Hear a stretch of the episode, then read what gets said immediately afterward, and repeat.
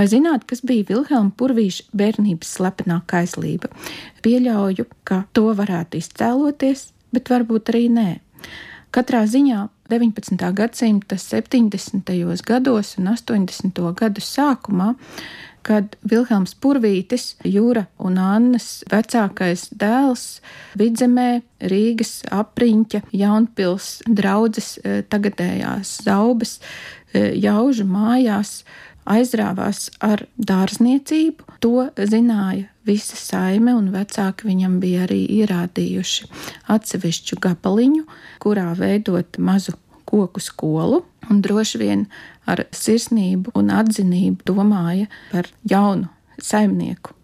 It sevišķi vectēvs Jēkabs, bet bija kāda nodarbe un kāda kaislība, kurā mazais Vilhelms nevienam nespēja atzīties, ko viņš pats arī mēģināja sevi apspiest, jo uzskatīja to par kaut ko neparastu, iespējams pat nenormālu.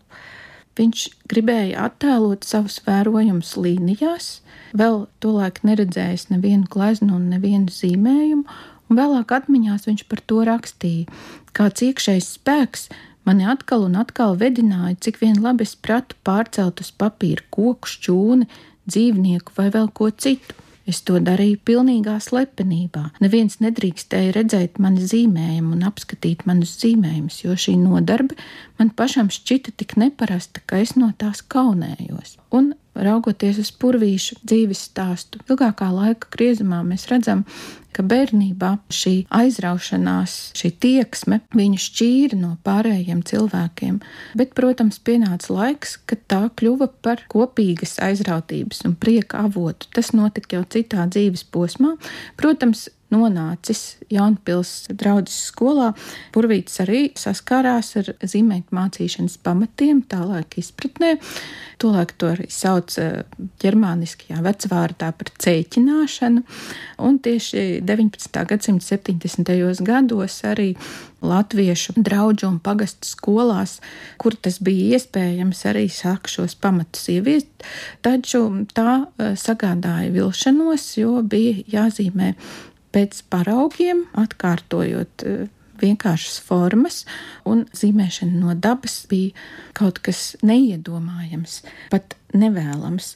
Slepenībā zēns ar to gan nodarbojās, un reiz pat bija uzzīmējis paši izpratnē tīri labi draudzes baznīcu, Taču viņam tā joprojām bija tāda aizraušanās un dzīves joma, kurā viņš nespēja dalīties ar citiem cilvēkiem. Dažu kolēģu biogrāfijās tas notika atšķirīgi, taču viņa gadījumā liktenīgs bija mācību laiks Trīsas apriņķa skolā Viķepskas guberņā, kur bija zīmēšanas skolotājs Pēterburgas Mākslas akadēmijas absolvents, Krievijas vācietis Karls Ulrichs Šmits kurš eh, nejauši ieraudzīja purvīša zīmējumus no dabas un nopriecājās par šo talantu, kuram tad arī vēlēja uzplaukt un dažādi centās to veicināt, cik to eh, šis skolas laiks pavisam īss gads tolēk ļāva un vēlāk jau nonācis Pēterburgas Mākslas akadēmijā, pārvarējis dažādas grūtības ar pārsteidzošu gribas spēku un apņēmību.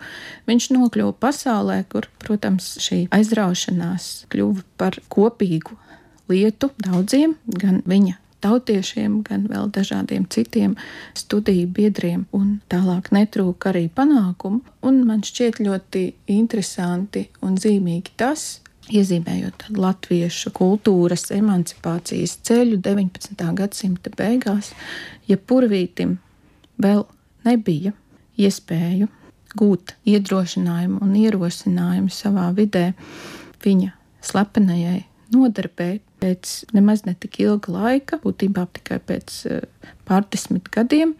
Jānis Jaunsudrabiņš un vēl vairāki citi topošie latviešu mākslinieki gadsimta mijā, kā bērni un jaunieši jau iedvesmojās no dažādos latviešu izdevumos redzētām purvīša un rozentāla gleznu reprodukcijām, kas, protams, mūsdienu izpratnē nebija ļoti labas, tomēr iedvesmojošas un fascinējošas, ka nevienam vien jaunietim radās pārliecība, ka mākslinieka darbs tas ir tas, ko viņi gribētu par savu nākotni.